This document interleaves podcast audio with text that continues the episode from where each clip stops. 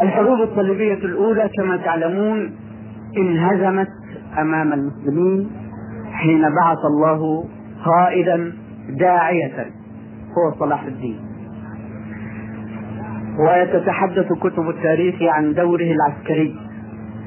وينبغي أن نتحدث نحن عن دوره الأكبر من الدور العسكري وهو قوله لجنوده وهو يربيهم لقد هزمتم لأنكم بعدتم عن طريق الله. ولن تنتصروا حتى تعودوا مرة أخرى إلى طريق الله. وعادوا ونصر الله بهم دينه على يد هذا القائد العظيم الداعية العظيم. هزم الصليبيون. وارتدوا إلى بلادهم. وكان من بينهم ملك فرنسا لويس التاسع عشر. الذي أسر في مصر وسجن في سجن المنصور. وراح يتفكر ويتدبر وهو في هذا السجن. حتى إذا عاد بعد أن أفرج عنه عاد يقول لأهل دينه لا تحاولوا هزيمة المسلمين بالحرب العسكرية وحدها فلن تنتصروا عليهم إنما حاولوا أن تهزموهم في عقيدتهم. حاولوا أن تقتلعوا هذه العقيدة عندئذ يمكن أن تنتصروا عليهم والحروب الصليبية الثانية التي يعانيها العالم الإسلامي اليوم قد عملت بنصيحة لويس التاسع. فقد جاءت مع الخيل والجند والمدافع والقنابل جاءت بما نسميه اصطلاحا الغزو الفكري. الذي يراد به اقتلاع العقيدة من قلوب المسلمين والذي صادف غفلة في حياة المسلمين فتقبله تلقفه المسلمون تلقفا. يشربون السم ولا يرون أن اليد التي تقدم السم هي يد الأعداء. كيف يتوقعون الخير من الأعداء؟ كيف غفلوا هذه الغفلة؟ كيف ظنوا أن عدو الله ينصحهم نصيحة الخالصة؟ والله يقول لهم يا أيها الذين آمنوا لا تتخذوا بطانة من دونكم أي من غير دينكم لا تتخذوا بطانة من دونكم لا يألونكم خبالا يعني لا يقصرون في نشر الخبال في صفوفكم. قد قد ودوا ما عنتم يعني أحب رغبة إليهم أن يصيبكم العنت. أه قد بدت البغضاء من أفواههم يعني ينطقون بها علانية وما تخفي صدورهم أكبر. كيف غفل المسلمون هذه الغفلة؟ كيف ظنوا أن جون وكوهين يقدمون لهم النصيحة الخالصة ويمسكون بأيديهم للخلاص من مشاكلهم والاستواء على طريق القوة؟ هل يتصور ذلك؟ ولكن المسلمين في غفلتهم ظنوا ذلك. واتبعوا سبل الشياطين فما زادوهم إلا خبالا وما زادوهم إلا ضعفا. جربنا أن نتثقف ثقافة الغرب ونتسلح من سلاح الغرب الذي يتفضلون به علينا قطرة قطرة ورفضنا أن نعود إلى الله. فكانت النكسة تلو النكسة وضاعت فلسطين. وضاعت أراضي المسلمين. ويشردون في الأرض في الفلبين في الصومال في أريتريا في الحبشة في في سوريا المجاهدة في كل مكان. لماذا؟ لأننا أخلدنا إلى الأرض ونسينا آيات الله. الكيد في هذه المرة أخبث بكثير. لأنه يحمل معه هذه السموم الفكرية الروحية الثقافية التي نسميها الغزو الفكري يسممون أفكارنا بكل وسائل التسليم بمناهج التعليم بوسائل الإعلام.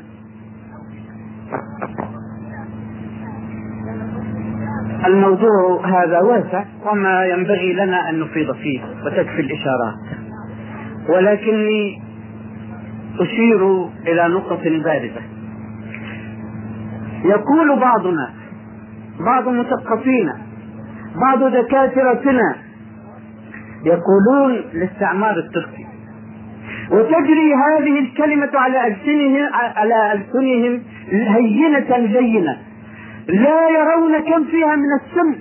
لا يرون كيف وضع الأعداء السم في أفواههم وجعلهم يتقيؤون. يتقيؤونه مرة أخرى في محاضراتهم وفي كتبهم. مسلم يحكم أرضا إسلامية ويسمى الاستعمار.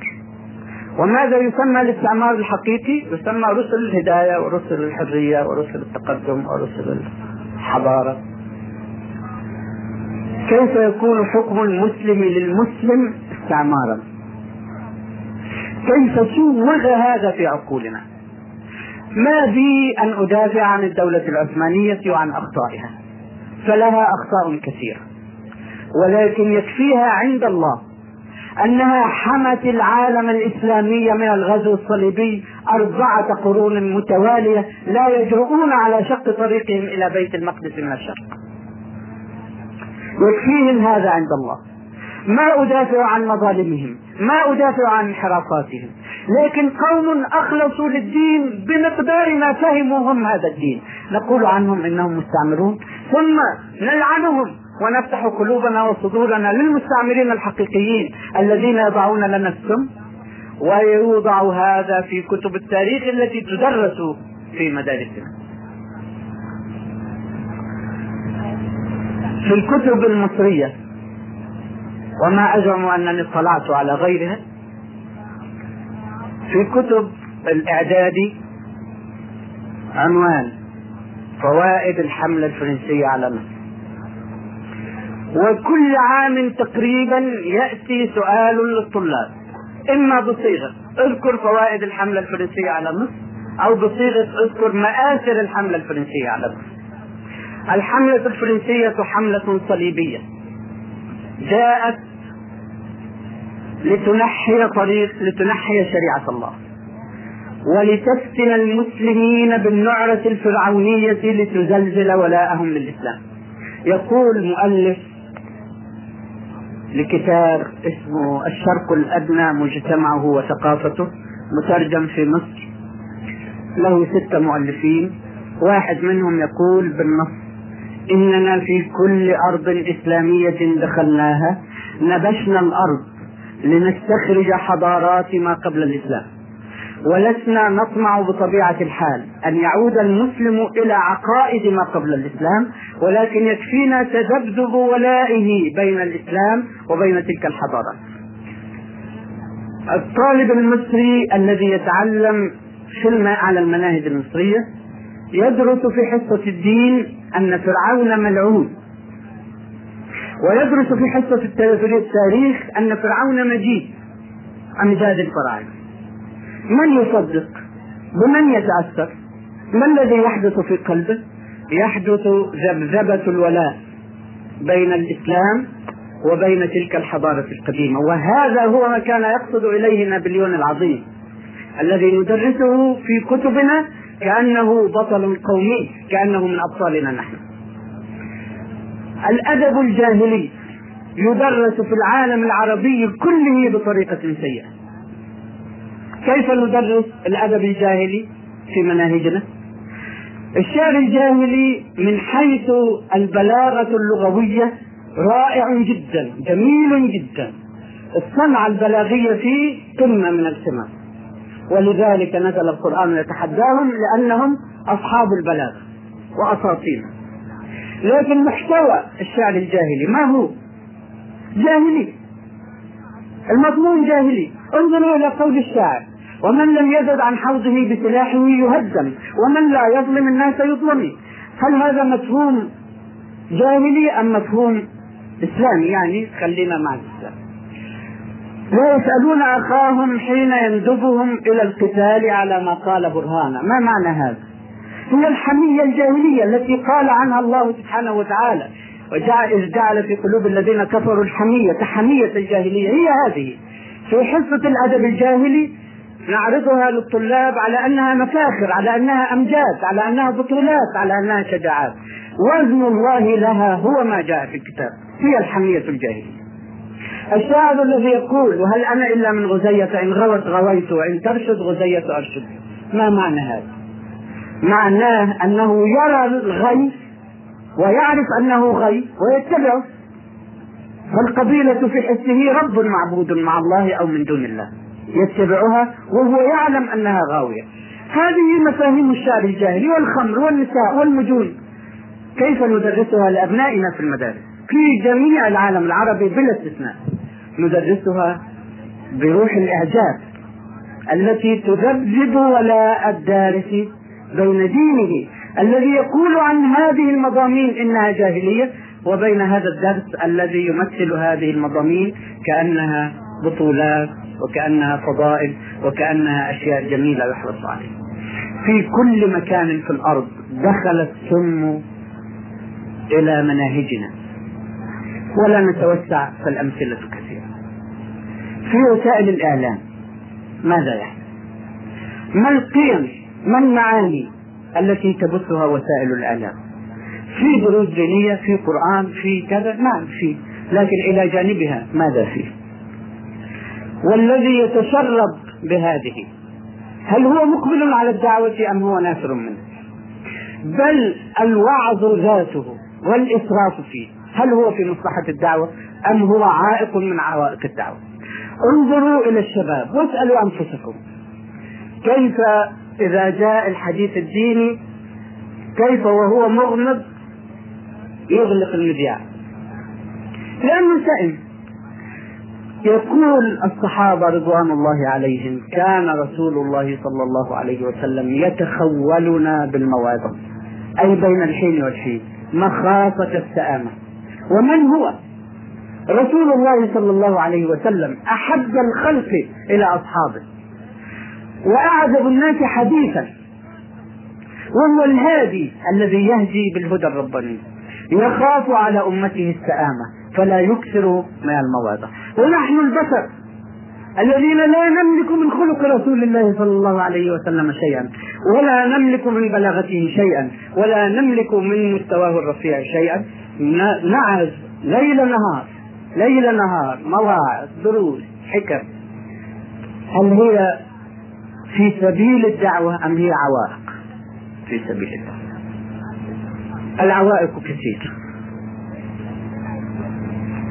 ليس الدعاة هم الذين يحملون عبئها وحدهم لكن يحمل العبء المسلمون كلهم بلا استثناء من أولهم إلى آخرهم. كل ناطق بلا إله إلا الله لم يوفها حقها. لا تزال لا إله إلا الله. تنفع قائلها وترد عنه السوء إلا أن يستخف أو حتى يستخف بحقها أو كما قال عليه الصلاة والسلام. وأي استخفاف بحقها أكثر مما استخفه المسلمون في قرونهم الأخيرة وفي جيلهم الأخير بصفة خاصة. ولكني أحب أن أطوي هذه الصفحة. فإنه بحمد الله وفضله بدأت الغاشية تنجاب من نفوس المسلمين بدأ الناس يعودون إلى دين الله. وما تحتاج العودة إلى مفسرات ولا إلى مبررات.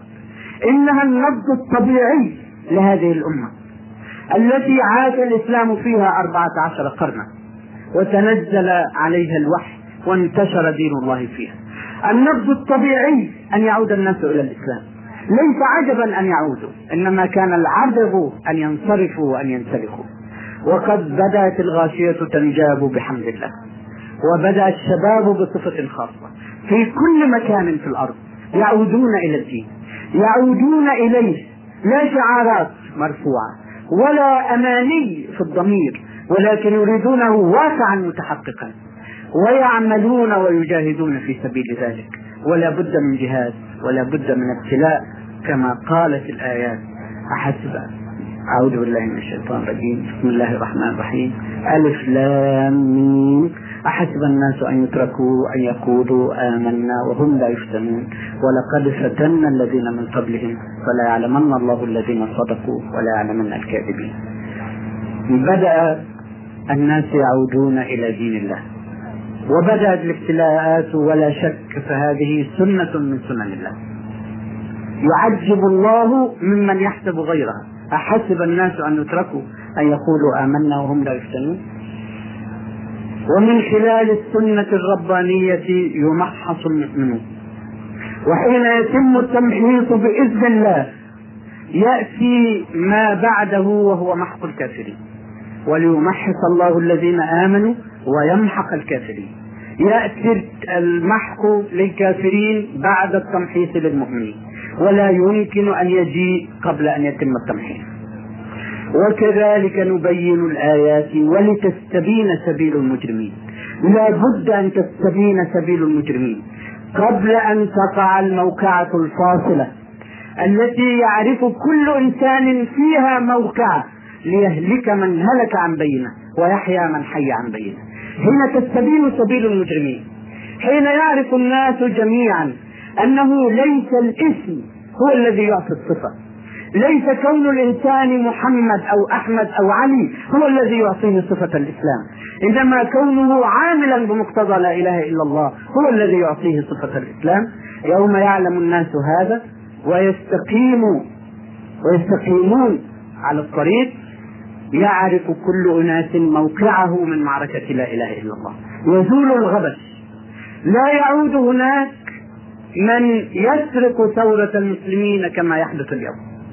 يجاهد المسلمون بدمائهم ثم يجيء دعي اسمه محمد أو أحمد أو علي يركب الموجة ويسرق الثورة من المسلمين. لماذا؟ لأنه في نظر الجماهير مسلم لأن اسمه أحمد بن بلة أو فلان أو فلان أو فلان. لقد سرقت ثورة الجزائر. ثورة المليون شهيد. التي انبعثت من روح إسلامية صادقة ولكنها لم تكن واعية مدركة لم تكن تعلم حتى وهي تجاهد في سبيل الله أنه ليس أحمد هو المسلم إنما المسلم هو الذي يطبق شريعة الله. فجاء أحمد في خمس دقائق وسرق الثورة ثورة المليون شهيد وحولها بعيدا عن طريق الله. وستظل الثورة الإسلامية تسرق حتى تعلم الجماهير أن من يحكمها بغير شريعة الله ليس مسلما وإن صلى وصام وزعم أنه مسلم. يوم تعرف الجماهير أن الحاكم المسلم هو الذي يطبق شريعة الله أو في القليل يجاهد ويترك سبيل الدعوة إلى تحكيم شريعة الله يومئذ لن تسرق الثورة لأن الجماهير لن تخدع في من اسمه أحمد ومحمد وعلي وتطالب الجماهير بتحكيم شريعة الله ولا ترضى بديلا من شريعة الله ويومئذ يمكن المسلمون في الأرض وتنجاب الظلمات كلها بإذن الله. وإنا لسائرون على الطريق. إني أعرف العقبات جيدا لأني أعيشها لأني أعانيها ولكن العقبات لا تحجب عن قلبي امل المستقبل إني أنظر إلى المؤشر. هل هو هابط أم صاعد؟ فأراه صاعدا. إني أنظر إلى حجم الدعوة. هل هو باق كما هو؟ هل هو ينكمش؟ هل هو يتوسع؟ فأجده يتوسع. أنظر إلى عينات إلى صفات القائمين بالدعوة. هل هو تهبط أم تصعد؟ فأجد شبابا يستضيئون بنور الله يفهمون دينهم الفهم الحق. ويجاهدون في سبيله الجهاد الحق ولا يستعجلون الطريق. يصبرون يعرفون أنه طريق طويل وجهاد طويل فلا يتعجلون ولا تتعب أعصابهم. في المرة تلو المرة حين يجدون أن المعركة لم تسفر عن النصر المطلوب ولم تؤدي إلى تحكيم شريعة الله. لا ييأسون لأنهم يعرفون أن الطريق طويل وأن الجهد المطلوب طويل. يا أيها الذين آمنوا اصبروا وصابروا ورابطوا واتقوا الله لعلكم تفلحون. أشكر لكم حسن استماعكم وآسف إذا كنت قد أطلت عليكم. والسلام عليكم ورحمة الله وبركاته.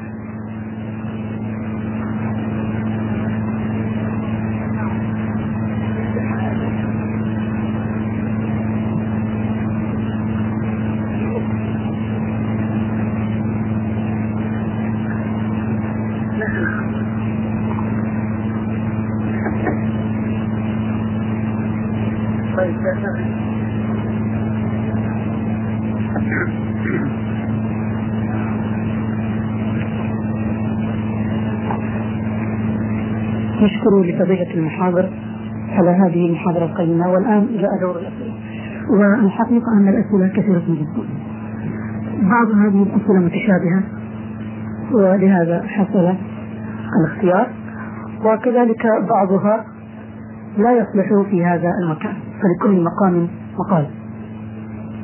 وكما قلت الآن جاء دور الأسئلة. السؤال الأول يقول هل أنت راض عما أسميته الصحوة الإسلامية اليوم بين الشباب خصوصا من ناحية الكيف والكم عموما أنا راض والحمد لله. رضاي عنها لا يجعلني أغفل عن مزالقها وأبطائها والأخطار المحيطة بها وعن انحرافاتها في الفكر والسلوك أحيانا. ولكني بصفة عامة راض عن هذه الصحوة بإذن الله وأستبشر بها. خير الأخ يسأل يقول هل دائما الوعظ لا يصلح للدعوة؟ لا ما أقول. إن الله سبحانه وتعالى أوجب الوعظ. ادعو إلى سبيل ربك بالحكمة والموعظة الحسنة. فالموعظة من وسائل الدعوة ولا شك. لكني أقول إن الاعتماد عليها وحدها لا يؤدي إلى نتيجة. لقد كان الرسول صلى الله عليه وسلم يقوم بتبليغ الدعوة إلى كل الناس ثم كان يقوم بعمل آخر في دار الأرقم. هو الذي بنى هذا المجتمع الإسلامي والدولة الإسلامية وكتب التاريخ الإسلامي هو التربية العملية. هذا الذي أقصده. ولا أقصد أن الموعظة لا فائدة فيها الأخ يسأل يقول أن العقبات يقتضي أن توجد داعي الله سبحانه وتعالى. وهو يسأل يقول كيف أعد أعد نفسي لهذه العقبات؟ ربنا يعينك. الطريق شاق وصعب. وكما تعلم مملوء بالاشواك والدماء والدموع والمعاناة. لكن الطريق هو الاستقامة على طريق الله ينبغي أن نبدأ بتربية أنفسنا. وكلما قربنا من الله والذين جاهدوا فينا لنهدينهم سبلنا وإن الله لمع المحسنين. كلما استطاع الإنسان أن يخلص العبادة لله سيوفقه الله في طريق الدعوة. وإخلاص العبادة لله ليس هذا موضع الإفاضة فيه لكن القيام بالفرائض، القيام بالنوافل، قيام الليل، التقرب إلى الله، كل هذا من الوسائل، ثم معرفة ما يريده الله منا بقراءة كتابه المنزل والأحاديث النبوية وقراءة سير الصحابة رضوان الله عليهم لأنهم هم النموذج الحي لهذه الدعوة. ثم قراءة كيد الأعداء مخططات الأعداء ضدنا. كل هذه أشياء مفيدة في خط الدعوة لكن الحديث يقول. الأخ الداعي يقول أن من الطبيعي أن تحدث هناك اختلافات في وجهات النظر بين الدعاة إلى الله. ألا تعتقد أن هذا عقبة من العقبات؟ وكيف يمكن أن نعالجها؟ آه أنا قلت أن هذا من العقبات لكن آه ثقتي في الله سبحانه وتعالى أنه هو تكفل بحل هذه العقبة بالذات. قال سبحانه وتعالى ما كان الله ليذر المؤمنين على ما أنتم عليه حتى يميز الخبيث من الطيب. يعني لن يظل الأمر على ما هو عليه من فوضى الشعارات وفوضى الجمعيات والذي يسميه اللبنانيون التشرذم. يعني إن كل شرذمة قليلة. الأخ اللبناني معلش كل شرذمة قليلة تعمل جماعة ولها أمير وتتناطح الإمارات بعضها مع بعض. آه هذا لن يستمر طويلا لأن الله وعد أنه لن يذر المؤمنين على هذه الحال حتى يميز الخبيث من الطيب وكيف يميزه سبحانه وتعالى؟ وما كان الله ليطلعكم على الغيب. يعني لن يخبركم سلفا أن هذا طيب وهذا خبيث. لكن الله يرسل ابتلاءات ومن خلال الابتلاءات تنصهر معادن الناس من ناحية وتستبين للآخرين من ناحية أخرى، كيف تبرز الزعامات؟ كيف تبرز القيادات؟ من خلال الابتلاء، هذا يثبت وهذا لا يثبت، فيلتف الناس حول من يثبت، هذا يكون راجح الرأي بعيد النظر وهذا قصير النظر، فيلتف الناس حول راجح الرأي بعيد النظر وهكذا. فهي عقبة لكنها لن تستمر طويلا إن شاء الله. الأخ يسأل عن البرود الذي يصاب به بعض الدعاة، ما هي أسبابه؟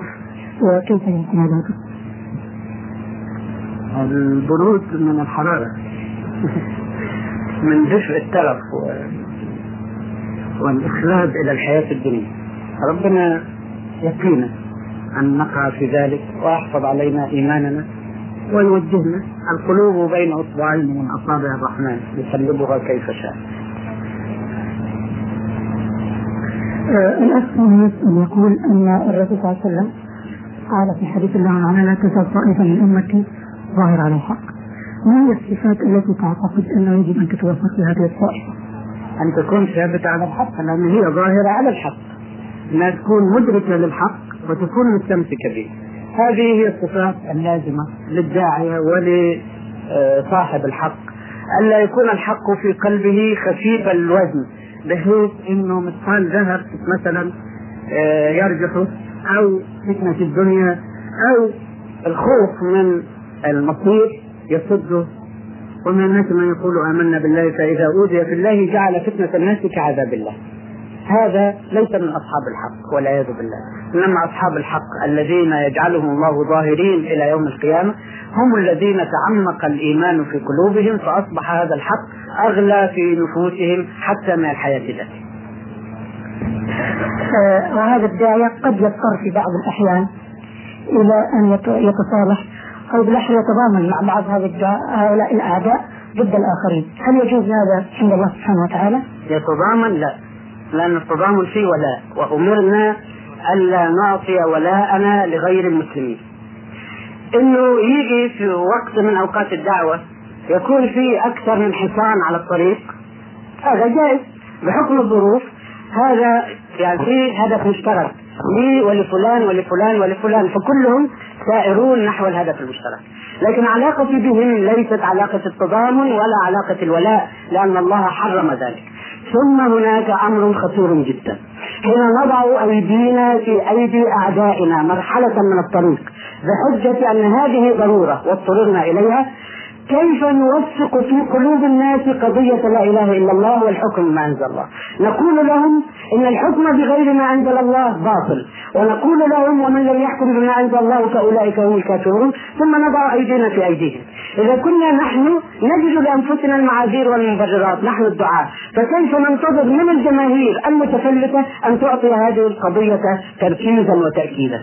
ولن يحكم الإسلام حتى تتأكد هذه القضية في قلوب الجماهير.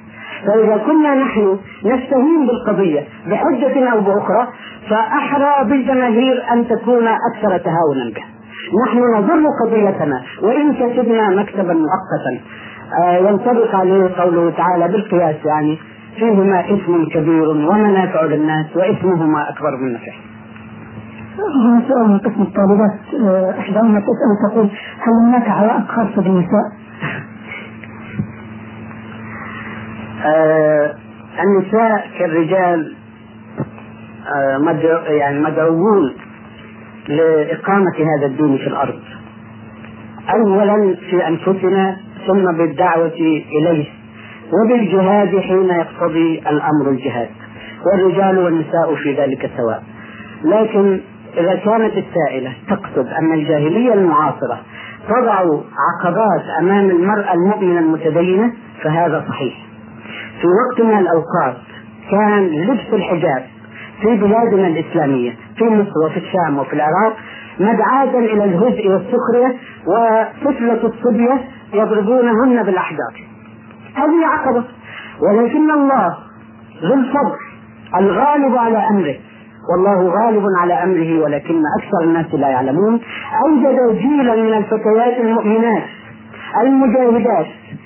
ليس فقط وتعالين على الجاهلية كما أمر الله ولا تهنوا ولا تحزنوا وأنتم الأعلون إن كنتم مؤمنين بل يتحدين هذه الجاهلية بلبسهن بأجيائهن التي يلتزمن فيها شرع الله وكأنهن كن للجاهلية. اصنعوا ما شئتم نحن على ديننا ولن نفرط فيه.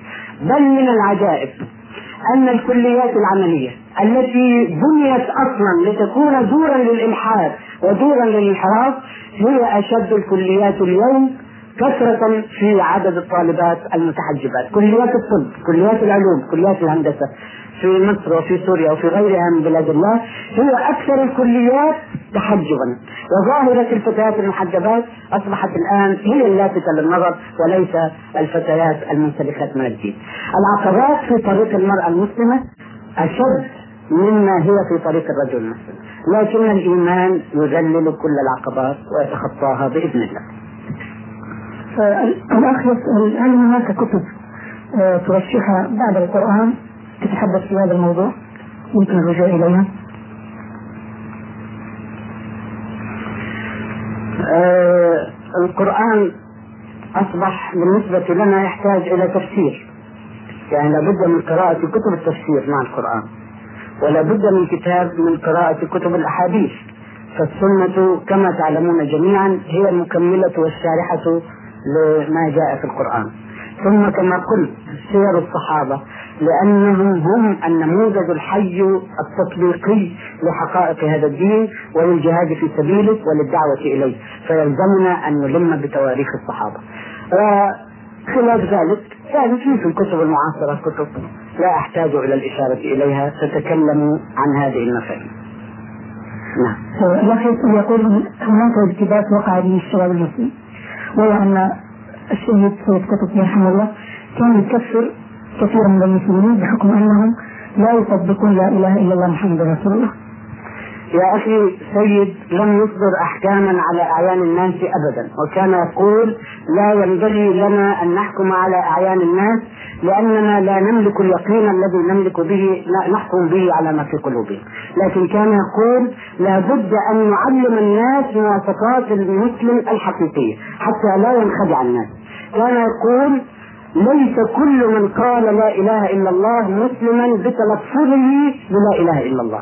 إنما كما قال الإمام الشهيد بن قبل لا نكفر مسلما نطق بالشهادتين وعمل بمقتضاهما. لا بد من العمل بمقتضى لا إله إلا الله ليكتسب الناس الإسلام. وكل همه كان شرح مواصفات الإيمان لا إصدار الأحكام على الناس. وما جاء من عبارات قد يفهم منها إصدار الأحكام على الناس فهو جاء ليقول إن هذه المجتمعات مجتمعات جاهلية وأنا أقول ذلك أيضا. إن هذه المجتمعات مجتمعات جاهلية. وشرحت هذا مرارا للسامعين. قلت إنه ليس معنى قولنا إن هذه المجتمعات جاهلية أن أفرادها كفار أو مشركون جميعا.